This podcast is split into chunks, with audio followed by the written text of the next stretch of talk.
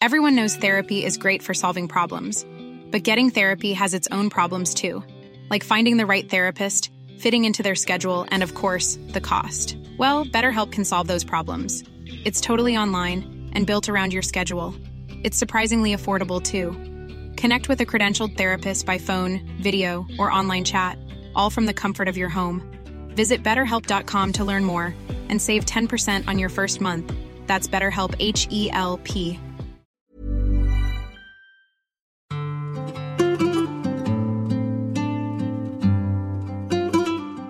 أما أنت بتعود ترجع لها على المربع الأول. طب إذا في عندنا إحنا هلأ ثلاث محلات ولا أربع محلات فهلا رح نسكرها. ما رح نشتغل ونروح الموظفين تبعونا. ما بنقدر إحنا ما بنقدر. نحن مش دولة بالنهاية اللي نقدر نتحمل حجم الرواتب هذا اللي, اللي, اللي, اللي بنحطه.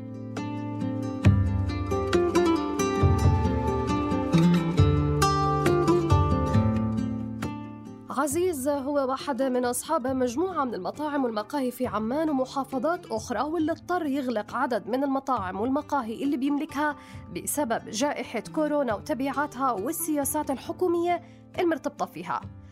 زي ما يمكن بتعرفوا الحكومة كانت أعلنت نهاية شباط الماضي العودة لحظر يوم الجمعة وزيادة ساعات الحظر اليومية واللي لاقى سخط بين الناس وعبر شبكات التواصل الاجتماعي خاصة مع إعلان شركات ومؤسسات إفلاسها وإغلاقها نتيجة تبعات الجائحة والسياسات اللي قامت فيها الحكومة خلال هالمرحلة.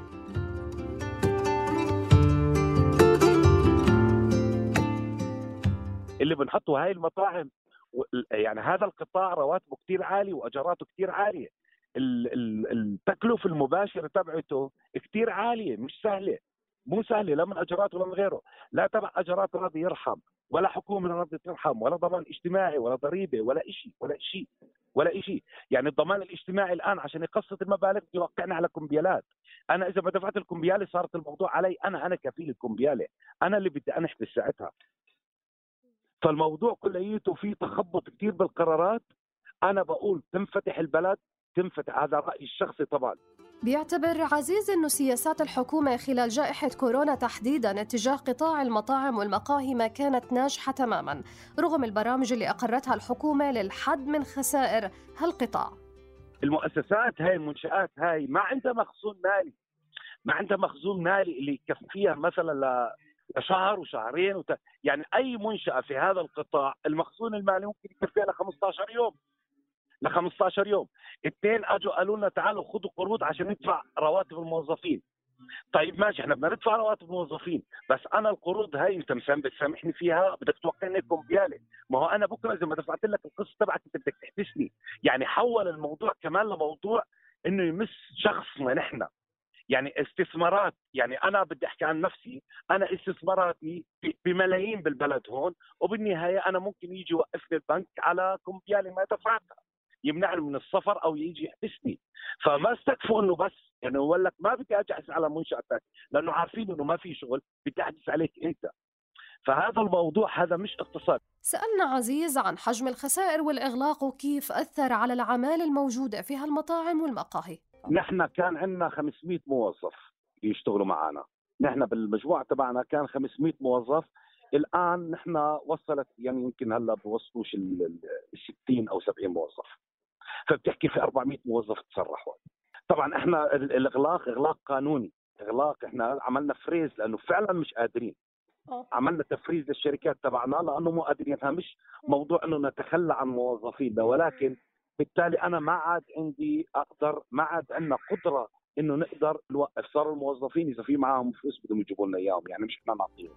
طيب شو المطلوب من وجهة نظر أصحاب المقاهي والمطاعم في ظل العودة لحظر يوم الجمعة وزيادة عدد ساعات الحظر؟ حظر الجمعة ما بيحل مشكلة. حقيقة ما بيحل مشكلة. الإغلاق طب إحنا لو أغلقونا الجمعة وتركونا يعني تخيلي أنت الآن عندنا كم محل شغال. أنا وأنت بدي أسأل أنا أي واحد مين بروح على مطعم الساعة 8 وبده يسكر المطعم الساعة 9 مين؟ آخر زبون ممكن يدخل الساعة 7 آخر زبون هذا آخر زبون ممكن يدخل الساعة 7 وإذا بكون مروح من شغله الساعة 6 شو بده يوديه على مطعم؟ فأنت بالتالي والناس بدها تسحب حالها. ما هي الناس نزلت راحت نزلت على البحر الميت ونزلت على المناطق الثانية واللي عنده مزرعة واللي عنده شاليه واللي عنده كذا. الناس سحبت حالها وطلعت من من عمان.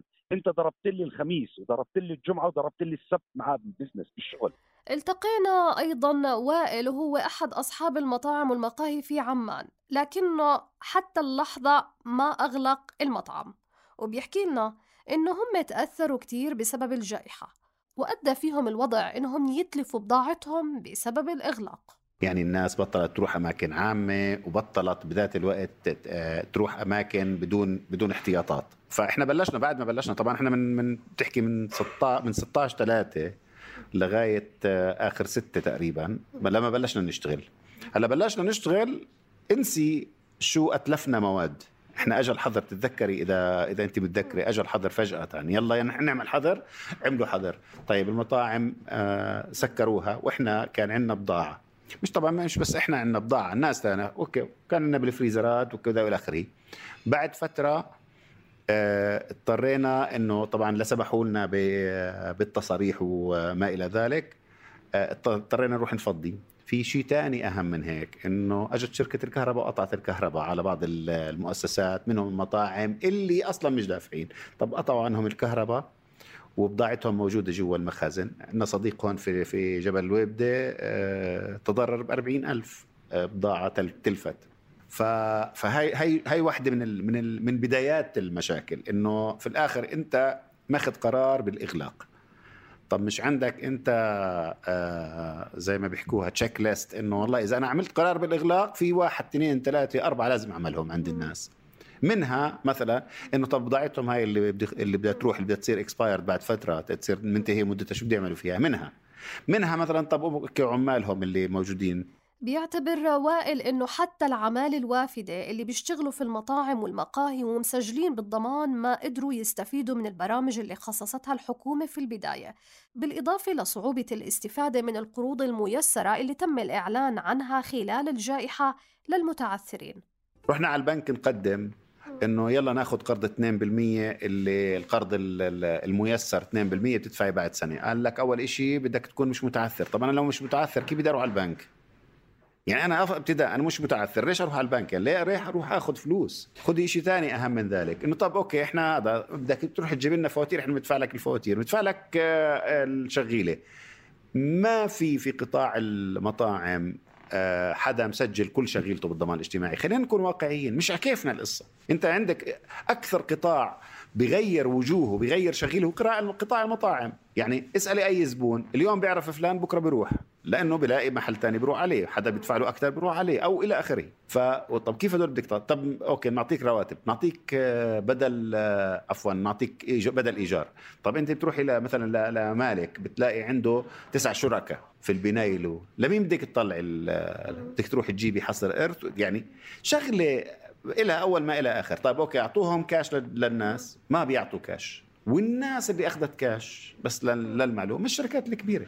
يعني ال 500 مليون اللي اللي اللي انحكى عنها في الدولة أخذتها مجموعة من الشركات الكبيرة جدا اللي مليئة ماليا. طيب قديش ممكن يصمد قطاع الاستثمارات خاصة المطاعم والمقاهي؟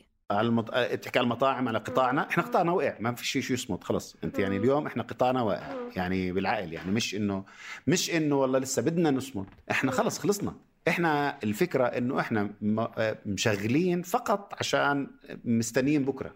إذا بكرة أنت يعني بس بدي أستشهد بشغلة قبل فترة بسيطة آه، طلع إنه السعودية بدها تغلق أو ما تغلق تمام طلع قرار بالسعودية بيقول إنه إحنا من هون ل 20 يوم لن يتغير أي قرار على الإطلاق، طب مش أنت أعطيتي الناس فرصة إنها تشم نفسها؟ بمعنى آخر تعرف إنه من هون ل 20 يوم فيش ولا قرار، بس أعطيني إيه إحنا حكومتنا حتى قرار الإغلاق مش معروف إذا بكمل ولا لا. طب في الحالة هاي كيف بدك تشتغلي أنت؟ لكن هل هاي الصعوبات تمتد لدرجة إنهم يضطروا يسكروا المحل؟ مية بالمية. مية بالمية. مية بالمية. يعني إحنا يعني على الأقل آه، لحفظ ماء الوجه أمام مؤجرنا. إنه والله okay إحنا مسكرين. كيف ندفع لك فلوس؟ مثلا ما بكفي هاي. على الأقل بتروح على البنك بتقول يا عمي أنا ما بشتغل. أنا قدمت آه، تأجيل قروض وليس آه، يعني قرض ميسر. بس إنه إنه اسمحوا لنا بشهرين ثلاثة بس ناخذ نفسنا. الحكومة قامت خلال عام على بداية جائحة كورونا بإقرار مجموعة من البرامج للحد من خسائر هالقطاع على حد قولها. كان منها إعلان البنك المركزي بتاريخ 15 أذار حزمة من الإجراءات لاحتواء تداعيات فيروس كورونا بالتوازي مع قرارات الحكومة واللي شملت السماح للبنوك بإعادة هيكلة قروض الأفراد والشركات خاصة المتوسطة والصغيرة منها واللي تأثرت بتداعيات هالفيروس. بالإضافة لضخ سيولة إضافية للاقتصاد الوطني بقيمة 550 مليون دينار من خلال تخفيض الاحتياط النقدي الإلزامي من 7% ل 5% وتخفيض كلف التمويل وزيادة الأجال للتسهيلات القائمة والمستقبلية للقطاعات الاقتصادية بما فيها المشاريع المتوسطة والصغيرة من خلال برنامج البنك المركزي لتمويل ودعم القطاعات الاقتصادية بالإضافة لدعم إجراءات الشركة الأردنية لضمان القروض بتخفيض عمولات برامج الشركة ورفع نسبة التغطية التأمينية لبرنامج ضمان المبيعات المحلية.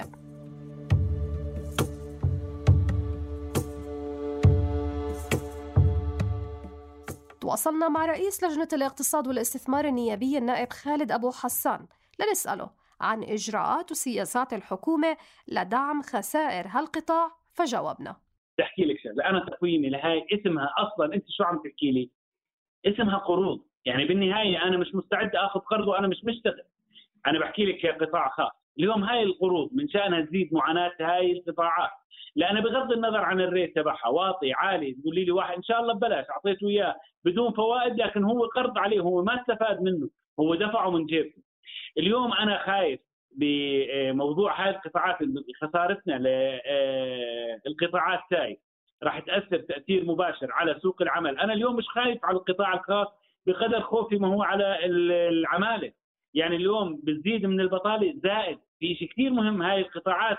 هي اليوم القطاع الخاص هو المورد الرئيسي لموازنة الدولة الأردنية، هاي عم تتأثر بمعنى إنه عم تتأثر الموازنة والإيرادات الحكومية. اليوم already أنا عندي إيرادات موازنتي آه، ضيقة جدا، موازنة الدولة الأردنية اليوم في أدنى حدود لها وحكاها يعني بجوز من أصعب الموازنات حكى وزير المالية. بحكي لنا أبو حسان إنه الجائحة تسببت في كثير من الخسائر، لكن شو هي الحلول؟ اليوم ما في إلا الالتزام بالكمامة والتباعد الجسدي، تطبيق بروتوكولات السلامه العامة مع زيادة عدد المطاعيم اللي يعني آه، اللي بتصل للأردن يعني زيادة تطعيم الناس، غير هيك إحنا ما ممكن نطلع من هذا المرض. توجهنا لمدير مركز الفينيق للدراسات الاقتصادية أحمد عوض وسألناه مين اللي بيتحمل مسؤولية خسارة هاي الشركات وإعلان إفلاسها أو حتى وين الخطأ تحديداً؟ بيحكي لنا عوض إنه الخلل بيكمن بيحكي لنا عوض إنه الخلل بيكمن في سببين الأول متعلق بالجائحة نفسها والثاني بسياسات الحكومة والاستجابة للجائحة من خلال أوامر الدفاع. هي كانت تخلي الحكومات حقيقة عن مسؤوليتها تجاه دعم هذه الشركات والمؤسسات المتضررة وعدم تقديم أي شكل من أشكال الدعم لهم إلا باستثناء عمليات الدعم اللي تمت على آه، إعفائهم من اشتراكات الضمان الاجتماعي آه، أو إعفائهم من جانب من الحمايات في الضمان الاجتماعي لمدة ثلاثة أشهر وهذا للأسف الشديد كان على حساب طبيعة الحمايات. آه، أيضا توفير قروض بقروض عن طريق البنك المركزي والبنوك التجارية بأسعار فائدة منخفضة. وأنا تقديري حجم الذين استفادوا من هذه الإجراءات هو قليل جدا. الحكومة كان عليها أن تذهب باتجاه تقديم الدعم المالي المباشر والمساعدات المالية المباشرة للشركات والمؤسسات التي تضررت والمساهم معها في دفع جزء من أجور العاملين لديها لكي لا يتم لكي لا يتم إغلاق هذه المؤسسات كليا أو جزئيا أو يقوموا بتسريح العاملين لديهم والسؤال هل راح ينعكس ذلك على مستوى البطالة؟ أي إغلاق كلي أو جزئي أو أي تراجع في أعمال قطاع الأعمال في الأردن سينعكس سلبا على زيادة معدلات البطالة. معدلات البطالة في الأردن أصلا قبل الجائحة كانت مرتفعة جدا 19.3% حتى الربع الثالث من العام الماضي 2020 وصلت إلى حوالي 24% الآن التوقعات بتقول أنه هو وحسب تسريبات الحكومة يعني تصريح وزير العمل قبل عدة أيام بتحدث أنه معدلات البطالة يمكن أن تكون أعلى وبالتالي هو استند إلى مؤشرات دائرة الإحصاءات العامة. على تقدير معدلات البطالة إذا استمرت سياسات الاستجابة الحكومية بهذا الاتجاه ستبقى مرتفعة جدا ويمكن أن تزيد وبالتالي مطلوب إعادة النظر بهذه السياسات. الحكومة الحالية حقيقة عملت تغيير مقارنة مع الحكومة السابقة فإنها خصصت يعني عشرات ملايين الدنانير من أجل دعم المساهمة في دفع آه، أجور آه، العامل جزء من رواتب أجور العاملين في القطاعات الاقتصادية اللي آه، الأكثر تضررا والتي لم يت... لم تباشر عملها حتى الآن ولم تسمح لها الحكومة بمباشرة عملها حتى الآن. هذا ما تم إعلانه حقيقة من قبل رئيس الوزراء قبل عدة أسابيع. مديرة مركز تمكين للمساعدة القانونية وحقوق الإنسان ليندا كلش أيضا بتوضح لنا كيف رح ينعكس إغلاق وإفلاس العديد من الشركات والمؤسسات على تسريح العمال. بالطبع أكيد الانعكاسات إغلاق الشركات رح يكون له أثر كبير على العمال لأن الشركات مشغلة العمال. وبالتالي لما بتسكر المؤسسة آه، لن يستطيع صاحب العمل دفع أجر العامل. وبالتالي كمان أعتقد رح تقل آه، واردات الدولة من من الضرائب ومن الرسوم وغيره من الأمور. ولو أنها يمكن أخذ الرسوم الثابتة الدولة يمكن ما بتتنازل عنها بأي وقت من الأوقات. لكن إجمالا يعني أنا من خلال شغلي آه، بتذكر أنه بيوم واحد تم إقالة أو استغناء عن 1200 عامل نتيجة تسكير المؤسسة. فلما بنقول 1200 عامل في يوم واحد ونقص على ذلك باقي باقي المؤسسات وباقي العمال للأسف الشديد إنه الوضع مزري جدا الوضع صعب جدا. حتى شركات كبيرة وشركات صغيرة أو حتى إذا حكينا على دكاكين صغيرة اللي بي بي بي بيعتاش منها شخص أو شخصين كمان كان له تأثير كبير عليها. توصف كلش وضع المؤسسات والشركات خلال الجائحة بالمزري. أعتقد أنه وضعها مزري جدا وإحنا شفنا قديش شركات آه، سكرت وقديش استثمار هاجر من الأردن خلال الفترة الماضية نتيجة الجائحة أو نتيجة الخلل في اتخاذ الإجراءات اللازمة لمكافحة الجائحة. يعني كان ممكن تحمل التخبط الحكومي بالبداية. لكن بعدها لا يمكن تحمله تحمله ابدا لأنه كان واضح تماما حتى من الفترة الأولى إنه كان في تخبط باتخاذ الإجراءات سواء إغلاق كامل أم لا آه سواء حتى بالأجور حتى موضوع الأجور آه للعمال. كان في كمان تخبط من الجهات الحكومية وظهر آه واضح تماما من خلال أوامر الدفاع اللي ما كان في دراسة وافية لإلها.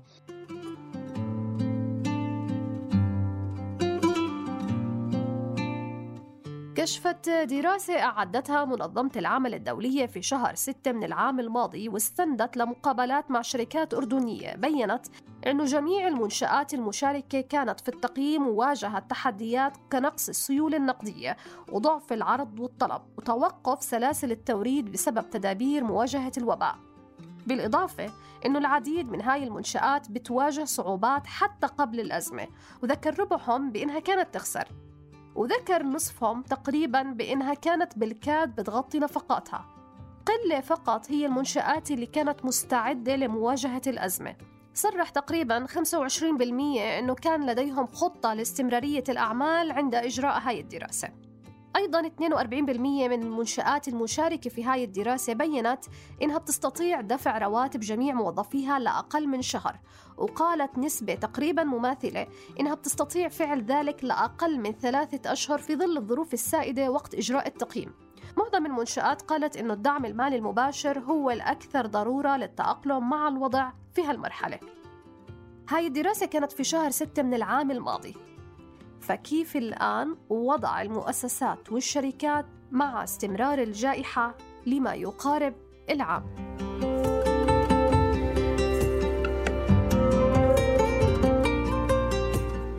في نهاية هالحلقة هاي تحيات فريق بودكاست البرلمان من إنتاج صوت حسان مهرة من الإخراج الصوتي. من التحرير صبرين طه. بيان عاروري من البحث كنت معكم في الإعداد والتقديم هبة عبيدات.